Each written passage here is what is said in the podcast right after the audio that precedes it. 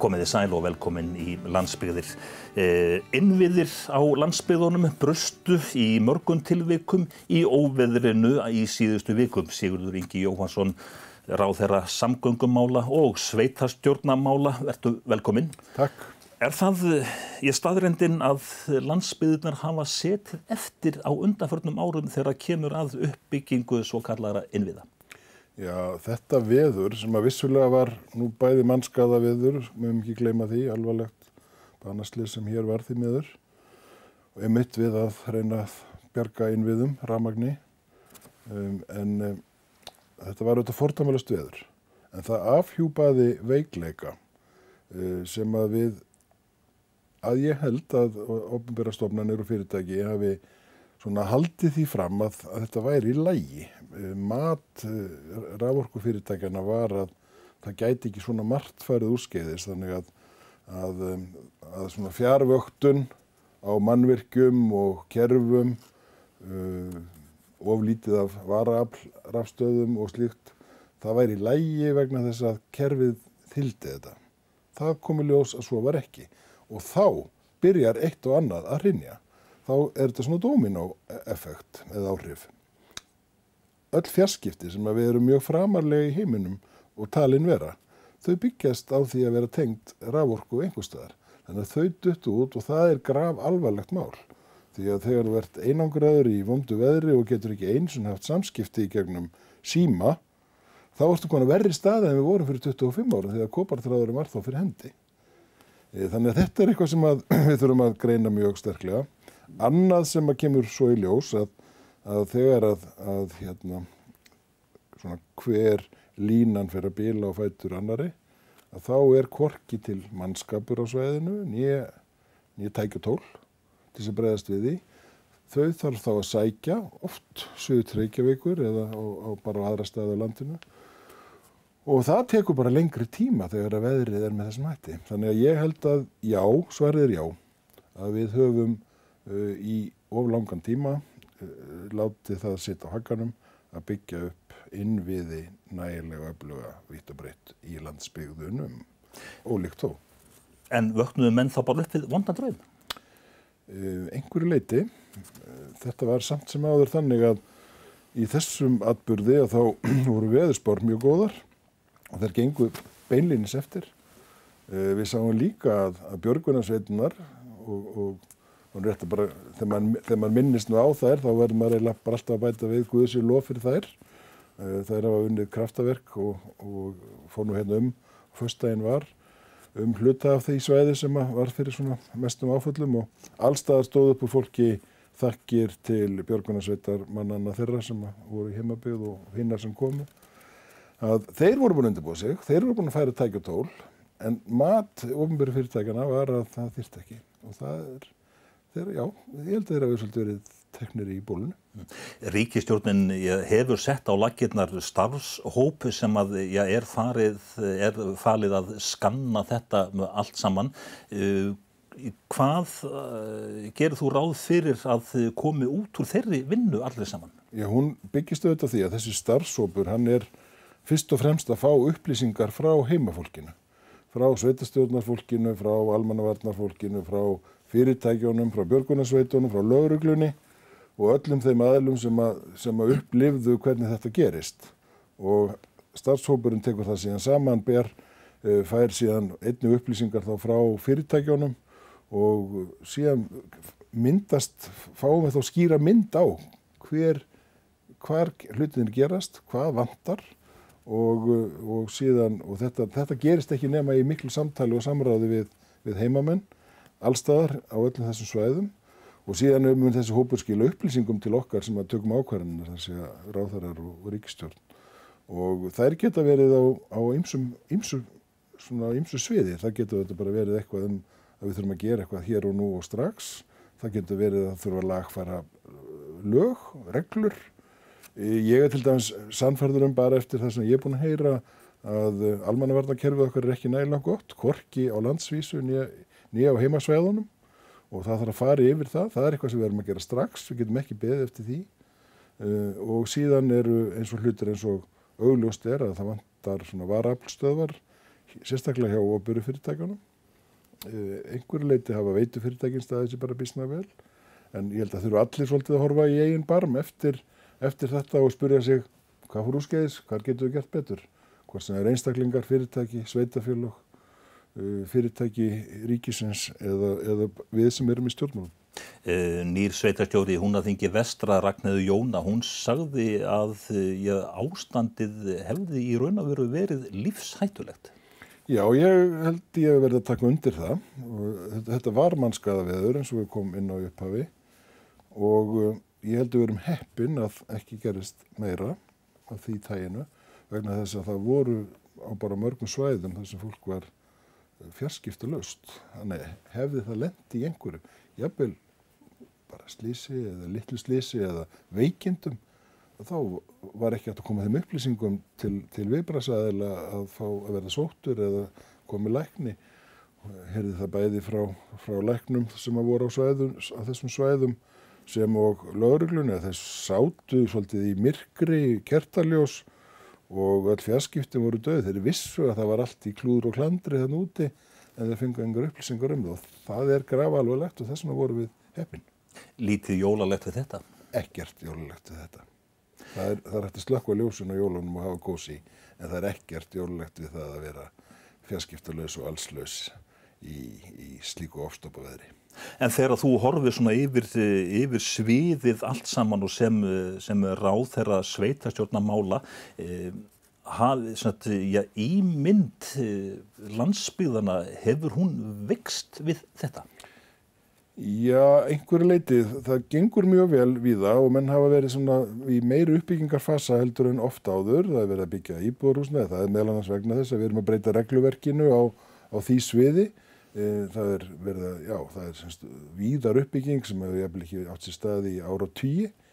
En þegar svona hlutir gerast þá held ég að, að hérna menn segi er nú varlegt að fara með starfsemi á þetta svæði við þekkjum umræðana hérna á Akureyri þó hún hafi kannski ekki farið nægilega hátt að þá hefur verið hér skortur á, á orku, á ráorku og eins á öryggi orkunar sem eru orðið til þess að fyrirtækin á staðnum hafa orðið fyrir já, sennilega miljardatjóni á undanförnum árum og meðan er kannski ólíklegt að nýtt fyrirtæki segi já það er besti staður en að staðsetja sig á Akureyri vegna að það er svo margt gott þar bara út af því að orkan er ekkert staðar og það er þess vegna sem ég segi Já, ég heldur verðum að svara því rétt að okkur hefur mistekist að byggja upp innviði uh, og meðal annars að tryggja sagt, uh, örugt rafmagn, orku.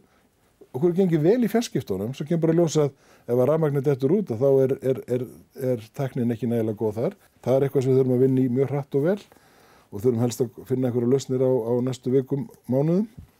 En í raforkunni þá vitum við að það er, það er regluverkið það er skipulags hérna, regluverkið, það er kæruferlin, þau eru allt of laung, þau eru allt of flókin og ég hef orðað að þannig að, að um, við á Norðurlundunum sem við berum okkur nú saman við, þar er í landskipulagstefnu sem ríkið setur, svona megin ákvæðum megin fluttningslínur, megin samgöngur sem að sveitafélagin verða þó að setja sig við að, að það sá hluti skipulagsvaldsins hafi verið af þeim tekin. Við höfum aldrei náð þessari umræðu á Íslandi. Við höfum litið stoldið á, ég er nú gammal sveitastjórnamaður og ráð þeirra sveitastjórnamála að skiplasveld sveitafélagina sé svolítið heilagt. En ég tel að núna eigum að ræða það, hvort að það sé skinsamlegt að ríkisvaldið og þar með alþingi leggji svolítið línurnar sem sveitafélagin þurfa að innrétta sig eftir er varðar megin flutningslínur í orkukerfinu og megin flutninslínur í samgangukerfinu. Það getur ekki gengið eins og þetta hefur gengið og í raunhugurinn nægir fjármunir hjá landsneti af að koma byggðalínun hinga til, til akkurirar til að mynda og styrkja kerfin hinga og þangað. En þeir eru ekki komist áfram vegna verklagsins. En ef við ekki bara tala á mannamáli Sigurður, hverjir eru það sérstaklega sem að standa í veginum fyrir þessu öllu saman? Ég ætla ekki að segja sé ein, ein, einstakur hópur. Ég hef bæði séð auðvitað um, eðli máls landægundur sem að hérna, segja við viljum ekki fá línur í, í minn, mitt, mitt, mitt bakland, í bak, bakgarðin minn.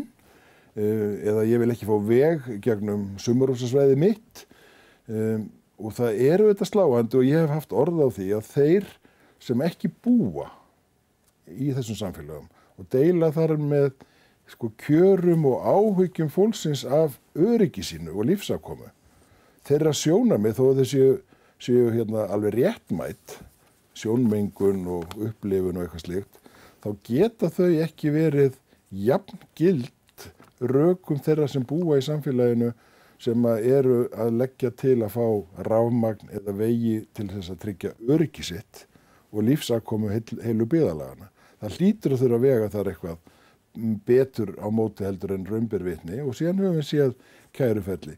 Ég held að sveitafélagin þurfu líka að líta svolítið í, í, í, í sinn barm hvað þetta verðar. Eh, taka upp sveiðskipula þess að þau eru sammála um að, að línan komi í gegnum heilan landsluta en ekki eitt sveitafélag getur dreyið sér út úr því því að þá kennst línan ju aldrei neitt. Þess vegna segi ég þetta með landskipuleið. Ég, ég vil gerðnan taka þetta upp núna. Ég held að þessi tækifæri til þess að velta þið fyrir sér hvað getur gert betur og ég held að þetta sé einleginin til þess. Ekki síst vegna þess að hún hefur verið praktiseruð á Norrlandum um landskeið. þú svona, já, talar svolítið svona varlega og kurtisislega og talar um að þetta þurfa að ræðast og svo framvegs en ég fæ ekki betur hirt annað á þér en að þú sést búin að mynda það skoðun. Já, ég skal bara viðkjöna það. Ég hef auðvitað núna bara á liðnum árum verið að horfa upp á þetta að, að hérna, við hefum ekki geta komið örugum fjarskiptum til að tryggja lámasöryggi byggðalags vegna þess að aðili sem ekki býr í samfélaginu en á jörðina eh, neytar því að um hana sé farið, jafnvel þó um jærstreng sé að ræða og það kostar síðan eh, einhvern ekstra tíma, 1-2 ár, 10 miljóna af skattpinningum að gera það. Þessi aðli hefur auðvitað ekki sömu sína á mikilvægi þess eins og þeir sem búa allt árið á, í byggðalæginu. Það eru önnur slík dæmi um fjarskipti og við þekkjum þetta líka úr, ramagninu og og vegakerfinu og uh, síðan bara uh, hefur hef mér þótt undarlegt að sjá hverjir standa upp og núna síðust dögum og verja þessa hagsmunni. Ég er ekki að gera lítið þessum hagsmunni, en ég bara segi þegar þú ert að vega saman slíka hagsmunni og hagsmunni heil, heilu byggðalegana þá hlýtur hljóta almenn hagsmunir að vera þingri heldur en sérhagsmunir. Hvað með ja, innviði sveitarfélagarna sjálfra í kjölfara óveðursins? Já, það er, munur kannski koma í ljós en við vitum það auðvitað að sveitarfélagur eru, eru í mismætti stakkbúin til þess að, að hafa uppbyggt svona slikt kerfi og, og þannig spilar þetta líka saman við almannavarnir, hvaða hlutverk hefur sveitastjórnin, sveitastjórin, ótvitin í, í þessu almannavarnar hlutverki, upplýsingar til íbúa, hvaða hérna, tækja tól eru til reyðu í viðkomandi sveitafélagi og, og, og svo náttúrulega hlutir eins og Björgvinsveitin ennu aftur og alltaf að segja hvað þessi lof fyrir það er og þeim, þeim verður seint full þakkað þeirra starf. Þannig að, jú, ég held að eitt af því sem að þurfa að greinast er, er hver er geta sveitafélagana við svona aðstæðar. Ertu á því segurður að já, núna þurfum við bara að setjast niður og stokka upp byggða stefnuna? Sumi segir reyndar að það sé ekki til byggða stefna. Sko ég vil nú reyndar halda því fram og ég held ég hafi þannig bara eftir áður nefndum Þóróti, profesor, að, að við höfum verið með byggðastefnu í 150 ár sem hefur gengið frábærlega, sannlega betur en flesta byggðastefnur í öðrum löndum. Það var semst ákvörðunum að fara með allt til Reykjavíkur og byggja hann upp sem höfuborg fyrir 150 árum. Okkur hefur gengið það frábælega vel. Það er nánast allt farið ánkað nema einhver hluti af fólkinu sem er ennþá eftir. Síðan höfum við verið með einhverja aðrar áallanir í byggðamálum sem hafa gengið mismunandi. Ég vil halda því fram að þessu byggðaáallin sem við erum að vinna eftir núna sé, sé góð og hún skila árangri. Uh, hún er ekki bara varnarplagg, heldur er hún líka sóknarplagg.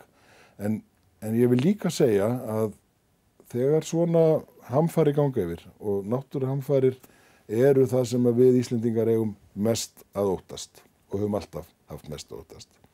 Þegar það er afhjúpa það að það eru veikleikar í kerfi sem við mennirnir byggjum upp að þá eigum við að segja aha, eigum við kannski að gera þetta öðruvísi.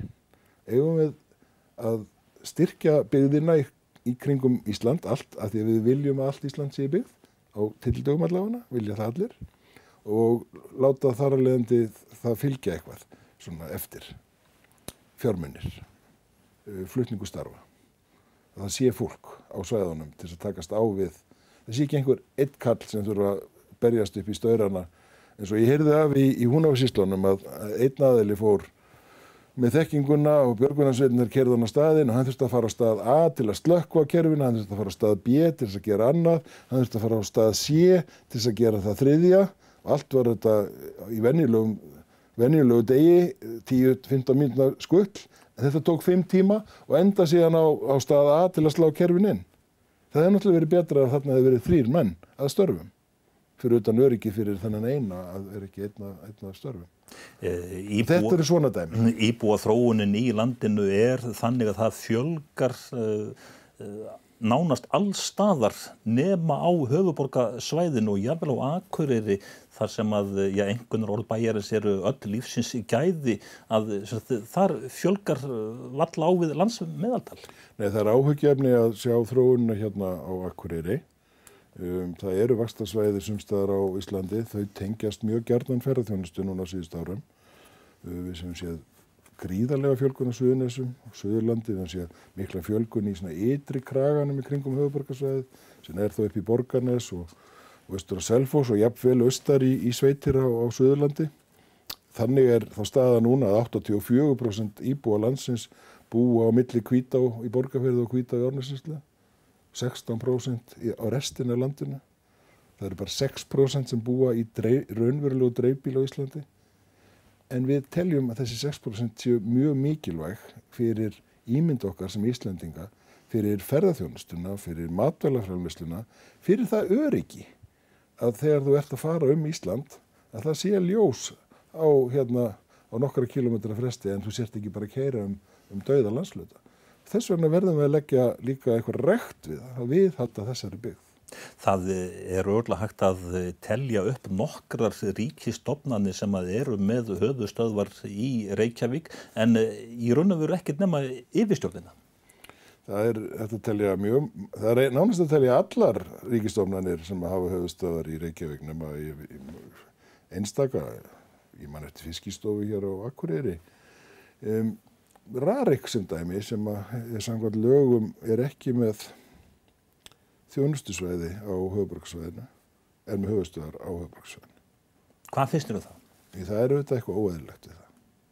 Og ég bara bendi á að í, á Norrlandunum hafa menn verið með markvisa stefnu í þessu átt að færa stofnanir út á land við þessi ríkistjórn eru með mjög áhugaverða leið sem heitir hérna, flutningur eða störf án staðsetningar Við í ráðnöttinu hjá mér hefum auðlust lögfræðistarf eða gerum það í fyrra og erum með starfandi lögfræðing sem var metinn hæfastur, hann býr á Norðurlandi og starfa bara fínt, hann vinnur í ráðnöttinu en hann, bara, hann er, heimi á sér með starfsastöðu á því svæði sem hann býr á og ég held að við getum gengið miklu lengra í þessu, við ætlum að vera með 10% af störfum 2024 með þessum hætti.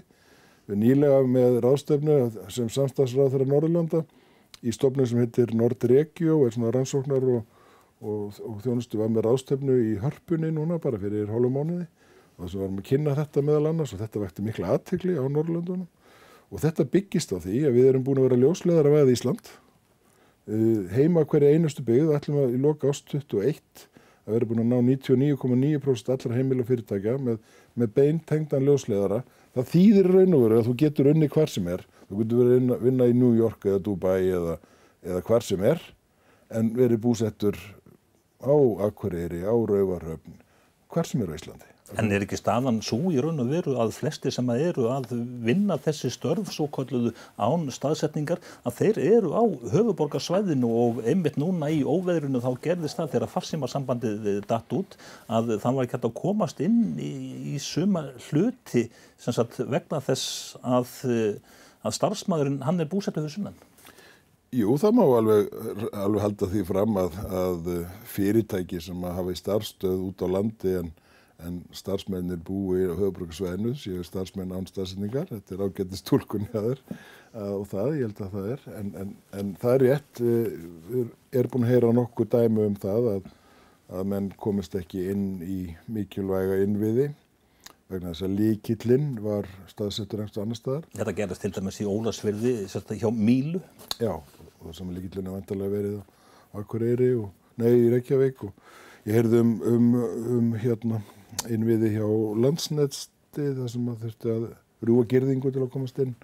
Þar sem að leikillin var á Akureyri þannig að þegar starfsmennir komið frá Reykjavík þá komuð þeirra lestu hliði.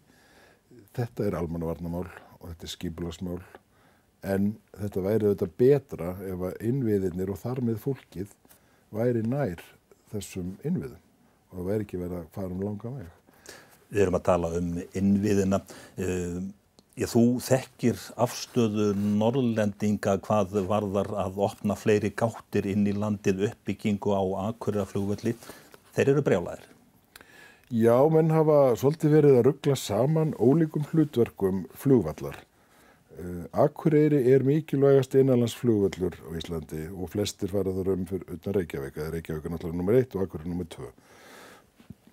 Akureyri er líka sáflugvallur utan Suðvesturhótsins eða utan Keflavíkur þar sem að ríkistjórnin hefur sagt og ekki bara þessi ríkistjórn heldur tveir, þrjár síðustu ef við ætlum að byggja upp nýja gátt inn í landið þá er það Akureyri. Þess vegna var flugbröðin lengt með, með ærnum kostnæðu á sínum tíma. Þess vegna setti ég 200 miljónir í, í leiðs, flugleðsögubúning, svo kallaðan ILS búnað hér í fyrra sem ekki var á neitt fjármálaáallin en eitt.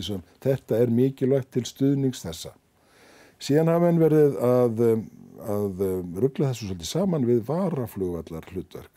Það er fyrst og fremst flugbraut sem að þarf við neyðarastöður að geta tekið að möti mjög mörgum flugulum. Þar hefur flýið á Íslandi, flugmennir og flugrekandurnir sagt það er skinsamlegast að, og fljótvirkast og mest öryggi í flugi að, að við, við einblínum á, á hérna, gerum það fyrst á eilstöðum. Það hefur ekkert með það að gera að opna millilandaflugvöldin á Akureyri, svo við rugglum því ekki saman. Þessu umræð hefur svolítið verið þarna. Ég átti nú fundi bara hérna á, á mándagsmorgunin hér á Akureyri meðal annars með bæjastjórninu og atvinnumþróunafélaginu og, og, og fulltrúum sveitafélagana hér á svæðinu þar sem við ætlum okkur að setjast nú niður, uh, búa til samstarfshóp sem vinnir næstu þrjá mánuði fjóra að því að, að kortleggja þetta sameila markmið okkar um að opna Akureyra-flugöll og þá hefur verkefni svolítið verið um flugstöðina hvaða þjónusta á að vera þar, hvernig getur hún í núvarendi mynd eða breytri mynd eða einhverju viðbótum, stækkunum, þjóna því að taka hér betur mot fólki. Og þessu ætlum við að, að einhenda okkur í að, að framkvæma núna á, á næstu, næstu viku mánuðum og ég vonast til að allir aðeinar máls komi að því. Það er að segja heimamenn hér, Ísafja, ráðuneyti og fleiri. Ertu þá meðal annars að tala um stækkun flugstöðvarnar? Já, það, það er það sem er kannski sko markmiðið er að auka flýið og, hérna, og það, ef það er síðan megin kjarni vandamálsins, flugstöðin, þá þurfum við að fara yfir það. En uh, það hefur verið bent á það að ráðuneytinu á fundi á Akureyri fyrir ekkert mörgum vikum síðar að uh, þetta væri í raun og vera þeirri stærðagráðu að þetta bjóðið út. En ekki sem, að semja beint við KEA sem að hefur bóðist til þess að leysa þennan vanda. Já og eins og ég segi það getur vel verið að niðurstu þess að starfsópsverð sé svo að það sé að fara einhverja skinsamari og flótvirkari leiðir sem séu hagkvamar en við þurfum fyrst og fremst að fá þann hóp í þetta ítum öllu öðru til hliðar sem við höfum verið að skoða síðustu, síðustu vikurnar, mánuðina, misserinn og segjum bara þetta er verkefnið, við erum öll sammálum það að þurfum að, að eh, búa til nægilega góða kvata til þess að þessi viðbútar gáttin í landið komist á. Það séu hérna erlendir aðlar sem séu tilbúinur að fljúa hingað með reglubundum hætti. Það er gríðarlega innspýtingin í ferðarþjónustun og atvinnulífið hér norðan heiða og hjálpar til í landsframleyslunni. Þannig að þetta er svona sammeilegt markmið og þessi hópur myndi þá hérna vonandi hefja störf bara fljóðlega á nýju ári og, og ljúka sem fyrst og ég gæti ekki betur heyrt en menn litur nokkuð, nokkuð spendir á að þetta í þeim tilgangi að allir væri svona sammálum hvert markmið væri ekki að vera að tala í allar áttir eins og hefur aðeins verið núna síðustu veikunar en ég vona að, að þetta skýri stöðunum svolítið.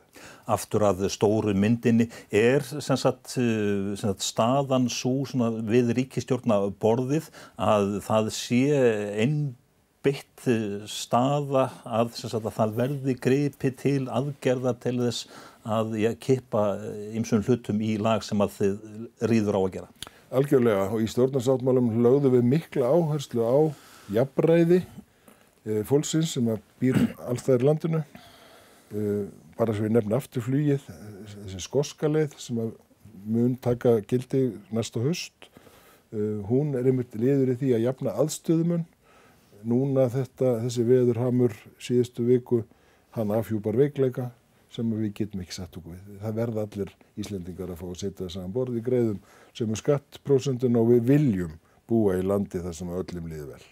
Uh, Fórseti Íslands, hann hefur tjáð sig um uh, stöðuna og ja, hann segir eitthvað á þá leið að það sé svona ég frum skildan og nú bara rýði á að, að, að hlusta á alla. Já og ég tók að mynd eftir þessu og ég var mjög ánægður að heyra þetta vegna að við auðvitað eins og alltaf er þá heyrast svona rættir sem að eru ekki að ebla svona samhældnina og, og íta undir það að við séum öll á sama skipi þessi 350-60 þúsund hræður sem hér búum í tiltölu á stóru landi. En ég held að lang flestir deili þessu sjónameði með fósittanum að, að, hérna, að nú bara nú þurfum við einhand okkur í það að, að tryggja það að, að fólk lifi örgulífi og en, upplifi sem, slikt. Mm, en við höfum minnst okkur verið myndrækilega á það að sagt, ramagnið það er ekki bara, bara innbyggt í slökkvaran í vegnum. Nei, það er eitt af því sem ég hef sagt að kannski þurfum við að taka umræðan um, um virkjanir, að það þurfum að vera orguöflun í hverjum landsluta, það eru þetta það stittri flutnislínur Það er þá minna sem getur bilað en á sama tíma þurfum við líka að tengja landið í svona stóra flutningskerfinu vegna þess að í því félst svo mikil haugkvæmni að geta nýtt, vann nýtt afl á, á, á ólíkum stöðum. En ég held að við þurfum að ræða orku öflun virkjanir með opnari og sangjarnari augum heldur við hefum gert á liðnum árum. Sigurður Ingi Jóhansson, samgöngur ráð þeirra og ráð þeirra sveitarstofnamála, þakka þér. Takk svo þessu.